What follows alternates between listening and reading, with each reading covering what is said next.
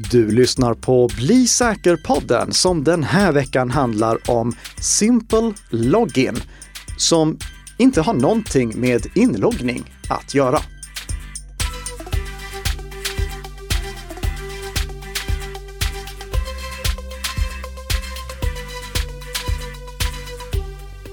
God morgon, god morgon Tess. Men god morgon, god morgon Nicka! Där kom du in med en sån rejäl Weiron i ottan, god morgon. Men jag tyckte du också gjorde det, så jag vill inte vara sämre Jaha. än dig i Bli säker-podden som produceras i samarbete mellan Nicka Systems och Bredband2. Och det här med Simple Login, vadå, alltså har det ingenting med inloggning att göra? Det är någonting som du kan använda i inloggningssammanhang, men det är inte någon inloggningstjänst, utan det är en, eh, en mail-alias-tjänst, en e-post-alias-tjänst, precis som det vi pratade om i avsnitt eh, 144 i höstas. Då jämförde vi eh, iCloud Plus med Firefox Relay och DuckDuckGos nya tjänst. Det är en sådan tjänst som vi kommer prata om den här veckan som i princip sopar banan med konkurrenterna. Ooh, Mm. Spännande! Men innan vi gör det, då är det ju i sedvanlig ordning dags för veckans snabbisar. Precis. Först och främst så har vi en nyhet från Google som kommer stärka säkerheten och integriteten för Android-användare. För när Google lanserade Android och började konkurrera med Apple, då var det ju en kamp om vem som skulle ha flest appar, flest apps i sin App Store. Google de kunde snabbt stoltsera med att de hade flest appar. Eh, Apple stoltserade med att de hade flest betalande kunder, flest som köpte appar och liknande. Men det, det var mycket fokus på de siffrorna. Det ledde i sin tur till att efter ett tag så var till exempel Google Play fyllt av gamla skräpappar som ingen underhöll. Mm. Och det var inte sådär jättegivande att det bara var en mängd gamla skräpappar som eh, gjorde att det blev svårare att hitta apparna man letade efter. Då var det inte så gött att vara bäst på flest appar helt Nej, det, det var inte på något vis någon indikation på kvalitet. Nej, nej. Men eh, Google, de kommer nu att börja rensa upp lite i appträsket i Google Play. Det är någonting som eh, de åstadkommer genom att höja kraven på vilka appar som visas för den som söker efter en app. Vi har under alla år vi kört den här podden pratat om eh, de, de nyheter som Android har släppt eh, eller medfört det året, den senaste Android-versionen. Vilka är säkerhetsförbättringarna där? Men då har vi samtidigt poängterat att det här är inte någonting som kommer beröra alla användare direkt. Inte bara för att inte alla användare får den senaste Android-versionen direkt, utan också för att apparna måste dra nytta av de möjligheter eh, och i praktiken de begränsningar som eh, den Android-versionen har. Mm. När en utvecklare ska publicera en app eller skapa en Android-app, då kan utvecklaren välja två saker. Det första, det är den eh, äldsta versionen av Android som den här appen ska fungera på. Så ifall användaren har en äldre version av Android på sin mobil, då funkar inte appen där. Och det är för att den här äldsta versionen som utvecklaren bestämmer, det avgör också vilka funktioner som utvecklaren får tillgång till. Men sen kan utvecklaren också välja vilken version som eh, han eller hon siktar på. Target API level kallas det. Egentligen är det inte ett direkt förhållande mellan Android-versioner och API-nivåer, men för enkelhetens skull så sätter jag ett likhetstecken mellan dem nu. Ni som är Android-utvecklare, jag vet att ni tänker, ah, nej, nu syftar du på API level 33 istället för Android 13. Ja, det, det gör jag. Men det, det, om vi tänker oss det som Android-versioner så är det det som vanliga användare ser. Eh, Nu till exempel i Android 13 som vi säkert kommer att prata om i framtiden också, då finns det en ny begränsning som gör att appar inte kan skicka notiser utan att användaren först har gett tillstånd till det. De måste be om tillstånd för att få skicka pushnotiser, precis som de sedan tidigare måste be om tillstånd för att komma åt kameran eller mikrofonen eller kontakterna. Men ifall utvecklaren inte väljer att rikta sig mot den versionen av Android, då påverkas inte den appen av de här begränsningarna. Om de kringgår begränsningarna genom att rikta sig mot äldre Android-versioner, då får inte användaren det säkerhets och integritetsskydd som användarens Android-version annars möjliggör.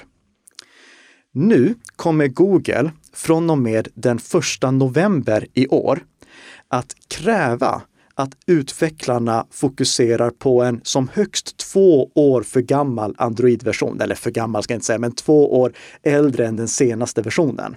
Så de måste liksom hålla sig i det här tvåårsspannet. Mm.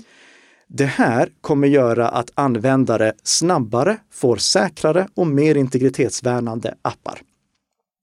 Nu är det kanske någon som tänker att ja, men det innebär ju att jättemånga appar försvinner. Ja, på sätt och vis, men inte för alla.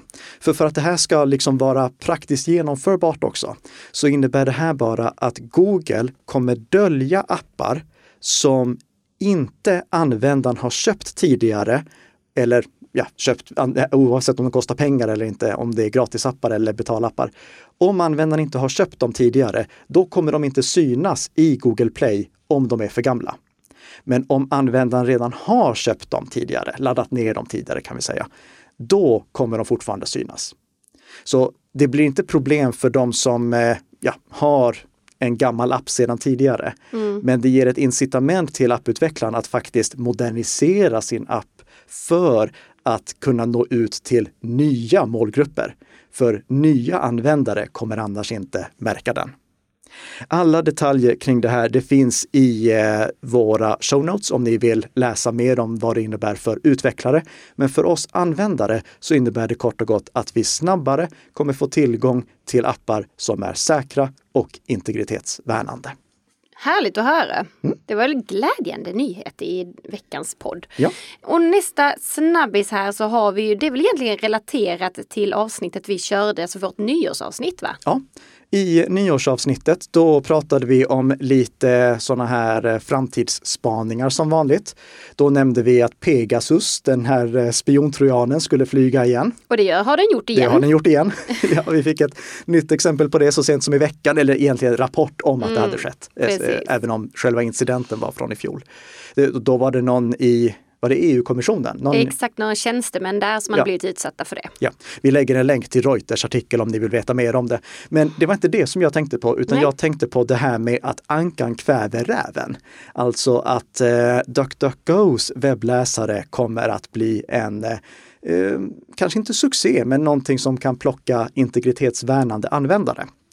Och nu har DuckDuckGo släppt sin webbläsare för Mac OS i en betaversion för inbjudna användare. Och man kan bli inbjuden genom att ladda ner deras eh, iOS eller Android-app och där skriva upp sig på listan. Har du provat den? Jag har eh, begärt att bli inbjuden, mm. men de har inte bjudit in mig än. Va? Ja. Vad dåligt! Oförskämt! Kanske för att jag inte använder deras sökmotor. Ja. Kanske. Nej, men eh, vi har i alla fall fått information om den här appen och precis som vi sa i det här nyårsavsnittet så baseras den på samma webbläsarmotor som är den inbyggda i operativsystemet. Så i Apples fall så är det WebKit och Safari. När den väl kommer till eh, Windows, vilket är nästa steg som kommer, eh, då kommer den vara baserad på Chromium. Eh, och Sen kommer den troligtvis inte under överblickbar framtid till Linux. De skriver faktiskt att det är Mac och Windows de fokuserar mm. på inledningsvis. Ja. Men för er som vill testa den så kan ni alltså signa upp er. Det ska läggas till att den inte har stöd för tillägg än. Och det tror jag är någonting som kommer få många att eh, faktiskt eh, välja bort den de, DuckDuckGo har valt att istället ha en inbyggd lösenordshanterare och en inbyggd annons och spårningsblockerare. Okej. Okay. Vilket är troligtvis de vanligaste tilläggen som någon installerar. Mm. Men det är lite synd att de inte har tillägg med redan från början. Och om de hade valt att basera den på Firefox och hjälpa Firefox-utvecklingen, då hade ju tilläggen funnits där redan från start. Ja. Men de har säkert sett andra fördelar med att använda den inbyggda webbläsarmotorn istället, den inbyggda webbläsarplattformen ska jag snarare säga. Och eh, det är då någonting som eh, vi ser nu i deras beta-version. Mm. Jag kommer testa den så fort jag får möjlighet att göra det. Ja. Och sen, den, en ganska vanlig fråga som dyker upp mm. och det är ju det här med att lys, alltså tjuvlyssna mobilen på ja. en. Det och det är någonting du fick erfara, Nicka? Ja, det här är alltså ingen nyhet som har inträffat i stora vida världen, Nej. utan det här är bara en nyhet hemma hos mig. Vi har ju många gånger avfärdat det här med att mobilen tjuvlyssnar på en. Vi har mm. gått igenom när mobilen kan lyssna på vad som sägs. Vi har gått igenom vad det innebär när det kommer till personliga röstassistenter och liknande och eh, förklarat varför inte annonsnätverken tjuvlyssnar på vad som sägs. De ligger inte i bakgrunden och lyssnar på allting, även om det ofta kan kännas så för att det, det, är så ofta någon upplever att de precis har pratat om någonting och sen så får de en annons för det. Mm.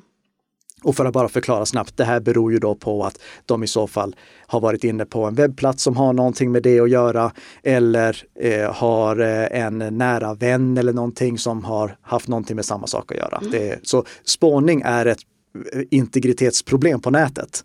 Det är det inga tvivel om. Mm. Men det är inte genom mikrofonen som den här spårningen sker utan det är genom andra signaler. Just det.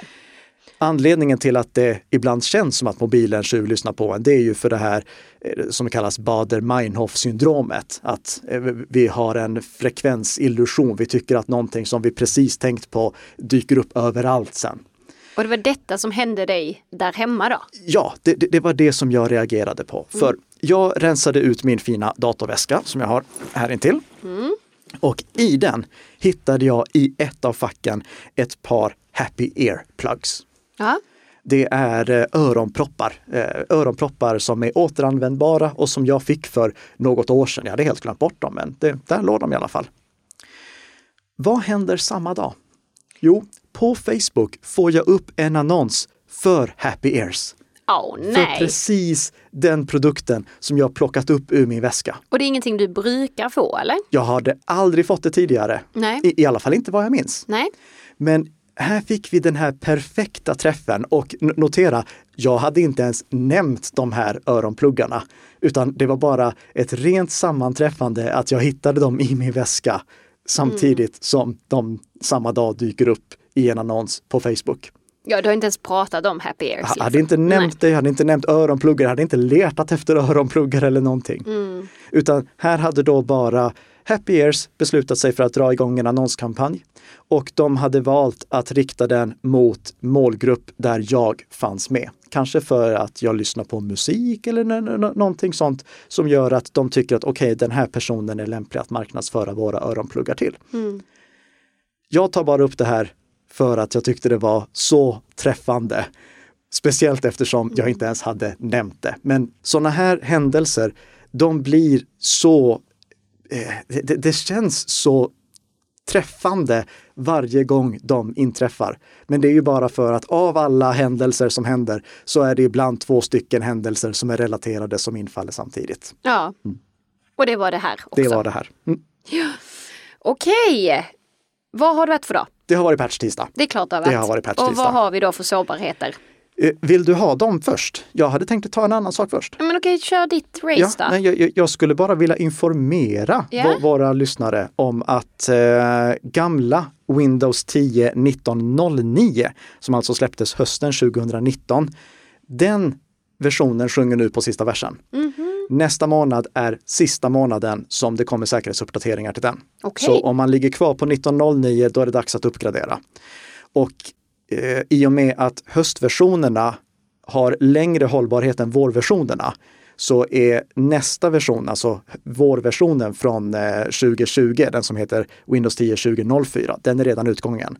Så ni ska se till att ligga på version 20H2 eller senare.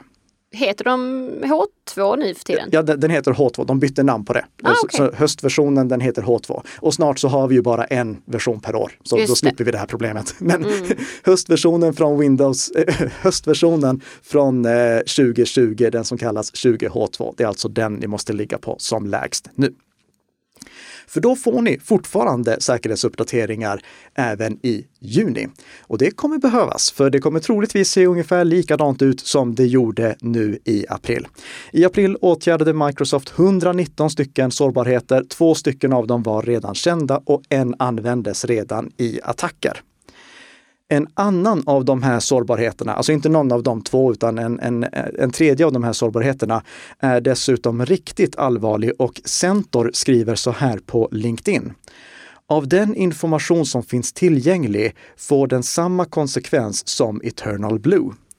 Och Eternal Blue, det var ingen liten sårbarhet om vi säger så. Eternal Blue, det var den sårbarheten som gjorde att eh, WannaCry och eh, NotPetya-attackerna kunde spridas på det sättet de gjorde.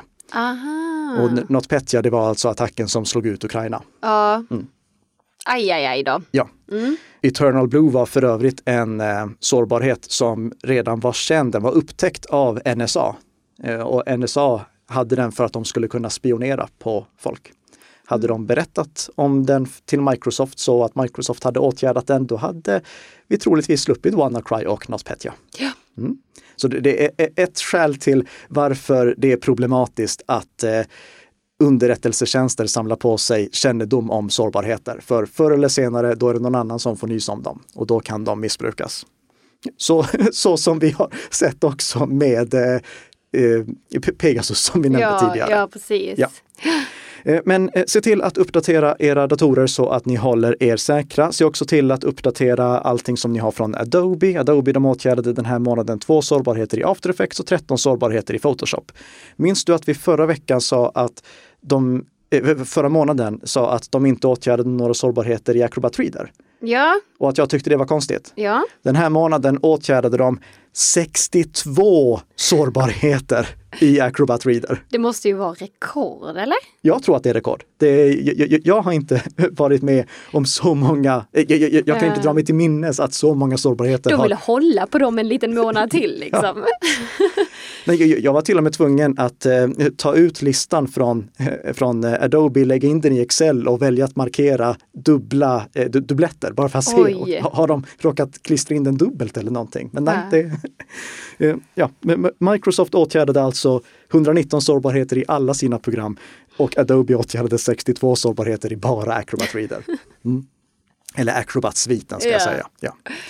Eh, Apple de har sedan tidigare åtgärdat två stycken sårbarheter i MacOS Monterey. Eh, Den ena sårbarheten den fanns också i iOS 15. Båda de här sårbarheterna användes redan i aktiva attacker, så kom ihåg att uppdatera era Apple-prylar också. De här eh, uppdateringarna är inte släppta till MacOS Big Sur och eh, Catalina, alltså de två äldre versionerna av MacOS. Vi brukar ju säga att Apple underhåller de tre senaste versionerna av MacOS. Jag antar att det här beror på att de här sårbarheterna introducerades i samband med släppet av MacOS Monterey, den senaste versionen av MacOS. Jag hoppas verkligen att det inte betyder att Apple har bestämt sig för att bara underhålla den senaste versionen. Nej. Men skulle det vara så så återkommer vi självfallet till det här i podden. Men med högsta sannolikhet så beror det på att det var eh, buggar som enbart fanns i den senaste versionen av MacOS. Eh, Det här är ju problemet med att Apple inte på samma sätt har en lista över vilka operativsystem som de underhåller. Eh, med Microsoft, där kan vi ju se, okej, det här är de underhållna operativsystemen. Hos Apple, då får vi bara gå på det vi tror baserat på historiken. Just det. Mm.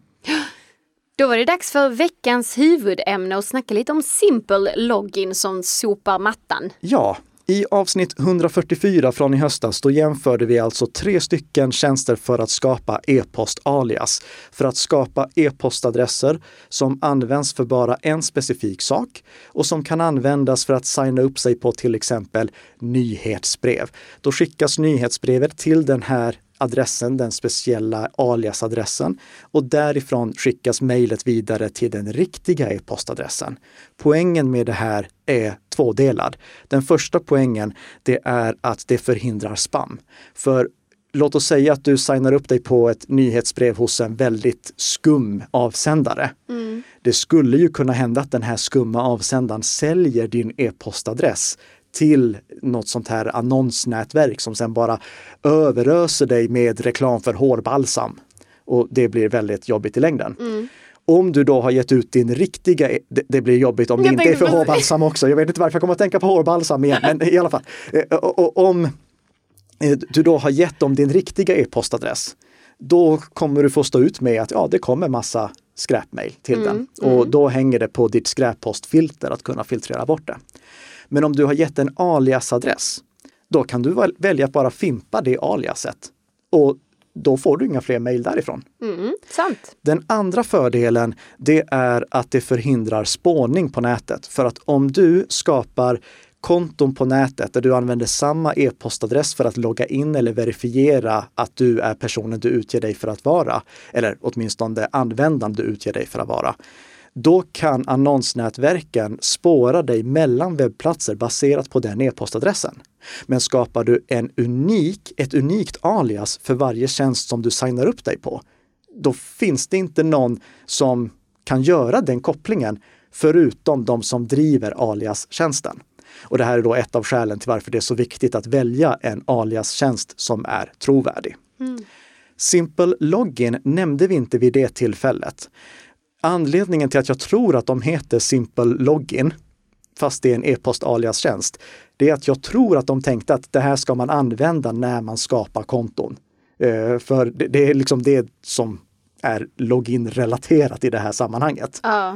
Och det, är ju någonting som är praktiskt, men du måste i princip ha en lösenordshanterare då för att om du inte har en lösenordshanterare så kommer du aldrig komma ihåg vilket alias du har kopplat ihop med vilken eh, webbplats. Nej, det är sant. Men har du en, en, eh, ett, e, har du en lösenordshanterare, då kan du ju skapa unika e-postadresser, alltså alias och unika lösenord och bara spara dem tillsammans. Så mm. Det är eh, smart om man har en lösenordshanterare. Men hur som helst, vi nämnde inte dem då.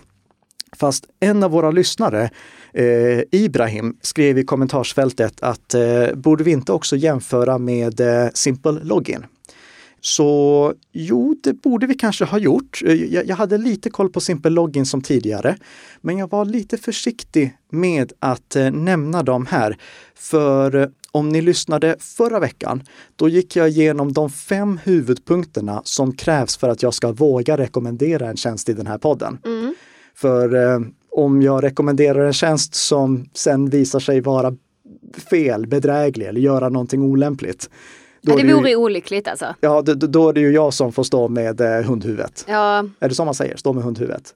Stå med Mössan i handen. Mössan i handen med Svarte Petter. Det, det, det, är jag som får skäll helt enkelt. Exakt. Och eftersom vi inte har några affiliate-länkar eller någonting sånt, vi tjänar ingenting på rekommendationerna, så, så är jag väldigt restriktiv med att ge eh, rekommendationer mm. kring till tjänster som kommer från mindre företag mm. om jag inte har väldigt högt förtroende för dem. Men vad levde de inte upp till då? då? Ja, det var just den här punkten. Eh, de lanserades 2019 och jag kände inte att de hade bevisat sig tillräckligt mycket för att jag skulle kunna ge någon rekommendation. Så därför uteslöt jag dem från jämförelsen och tog bara de tre tjänsterna som var från de stora väletablerade företagen. Mm. Vi hade iCloud Plus, men nackdelen med iCloud Plus det är ju att det bara är till Apples enheter. Vi hade Firefox Relay, men nackdelen med Firefox Relay är att det bara eh, finns i andra länder. De har fortfarande inte släppt en I version i USA, äh, version i Sverige. Nej. Nej. Och vi hade DuckDuckGo och där är problemet att det inte finns några inställningar, plus att det fortfarande är i beta. Firefox Relay har faktiskt förbättrrat lite sedan dess. Mm. De, de, har släppt ett tillägg för Chromium webbläsare. Så om man kör Chrome, Brave, Edge, Vivaldi, Opera, då finns det nu ett tillägg för eh, de webbläsarna också. Det mm. måste installeras via Googles eh, webbstore, men det, det, finns där. Och de har ökat eh, storleken på tillåtna bilagor till eh, 10 megabyte. Tidigare var det 150 kilobyte och det klagade jag lite på. Tråkigt då att de inte finns i Sverige då? Ja, det, det, det är ju det stora problemet mm. med dem, att de fortfarande inte finns i Sverige. Men Simple Login, de har från och med i fredags hamnat i ett helt annat ljus. Okej. Okay. Och det är för att i fredags, och nu, nu, kan ni tänka, kände du till det här med tanke på den listan som du presenterade förra veckan? Nej, det gjorde jag inte. Men i fredags, då tillkännagav Proton Mail att de har köpt Simple Login. Nej, är det sant? Ja. Och nu så finns ju då förtroendet för Simple Login i och med att de har Proton Mail i ryggen. Mm. Det var den viktigaste punkten som jag lyfte, att man har förtroende för dem. Och det som de har gjort hittills i kombination med Proton Mail, det gör att nu kan jag lita på dem för något så kritiskt som en e-posttjänst. Jag hade fortfarande inte rekommenderat att låta några superkänsliga mejl passera en sån här eh, mail-alias-tjänst. Men för nyhetsbrev exempelvis har jag inga problem att använda Simple Login, vilket jag gör nu. Okay. Jag hade ett demokonto sedan tidigare, men mm. nu har jag faktiskt börjat använda det också. Men om man då liksom eh, jämför med de andra, om vi tar bort då nu från Proton Mail, eh, vad, vad är det bästa med Eh, Simple Login? Ja, det, du får 15 alias gratis. Okej. Så det är lite fler gratis alias än vad du får hos eh, Firefox Relay där du bara får fem. Du kan få obegränsat med alias, men då måste du ha premiumversionen och den är faktiskt ganska dyr. Den kostar 30 US dollar per år. Så, så det, det, det är en förhållandevis dyr tjänst, men Proton Mail skrev att de, de eh, kommer kolla på möjlighet att paketera det här med andra av Protons tjänster. Så det kan hända att det kommer något paketpris där. De stöder upp till 25 megabyte stora bilagor. De stödjer namngivna alias, stöder alias-anteckningar och du kan ha valbara mottagare, alltså du, du kan ha flera olika riktiga e-postadresser och välja vilket alias som ska gå till vilken adress om du har premiumversionen. Annars kan du inte göra det. Premiumversionen har flera andra fördelar också, till exempel den stödjer PGP. Eh, om ni vill veta mer om PGP så lyssna på avsnitten som vi har gjort om PGP och krypterad e-post. Eh, Du kan få din egen domän och de har en väldigt smart tjänst som eh, kallas alias-katalog eller alias directory. Ponera att du inte vill eh, installera tillägget, eh, vilket för övrigt finns till alla webbläsare. Och du vill inte installera appen, vilken för övrigt finns till både iOS och Android. Då kan du automatiskt skapa alias genom att om du har premiumversionen registrera en ett directory, vi kallar det alias-katalog nu. Eh, du kan registrera en alias-katalog. Och det blir då en speciell inledning på e-postadresser. När du sen vill registrera dig på en eh, webbplats eh, med ett nytt alias utan att behöva använda tillägg eller app, då hittar du bara på en e-postadress som börjar med din alias-katalog följt av ett plustecken och någonting unikt för just den webbplatsen. Snabela simplelogin.co. Och första gången som sen någon skickar ett mejl till just den e-postadressen, då skapas den automatiskt. Jaha, Så eh, vad smart. vä- väldigt smart. Det är inte lika integritetsvärnande för att då går det ju att spåra baserat på den här Ja, alias-katalognamnet. klart. Men väldigt smart om man snabbt vill skapa ett eh, e-post-alias utan att behöva gå in i några tillägg eller appar. Sen så har de andra fördelar också. Eh, till exempel, de stödjer inloggning med säkerhetsnyckel. Det får de alltid eh, plus för. Såklart. Det gör inte Proton Mail, så det borde de ta över. Ah. Och sen uppfyller de resten av den här listan som vi pratade om i förra veckan till den grad att om vi hade haft en snygg utmärkelse för rekommenderad tjänst, då hade de faktiskt fått den. För hör på det här. Först och främst, kan vi lita på dem? Ja, det har vi gått igenom. Datan, ja, den går att exportera. Det är ett franskt bolag, de har servrar i Europa, de använder en finsk eh, sån här eh, hostingtjänst som heter Upcloud. De har ingen spårning eller något sånt. Så för användningsområdet, till exempel nyhetsbrev, så har jag inga problem med dem ur ett datahanteringsperspektiv. Beträffande källkoden så är den öppen och den har båda fördelarna med öppen källkod.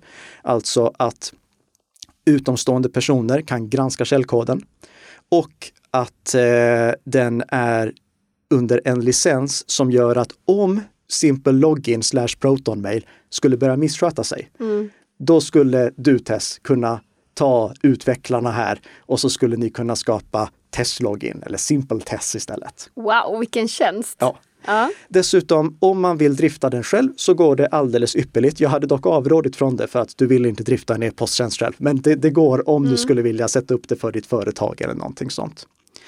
Gällande tredjepartsgranskning så har det inte gjorts någon sådan av något oberoende företag.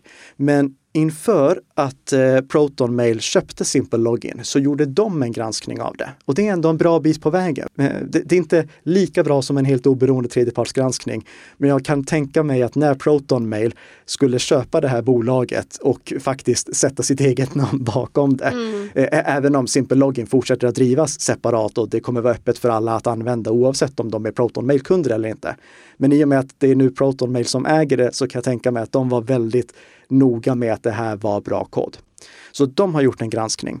Det finns inget bug bounty-program däremot, men som jag sa i förra veckans avsnitt så var det det som jag la minst vikt vid. Mm.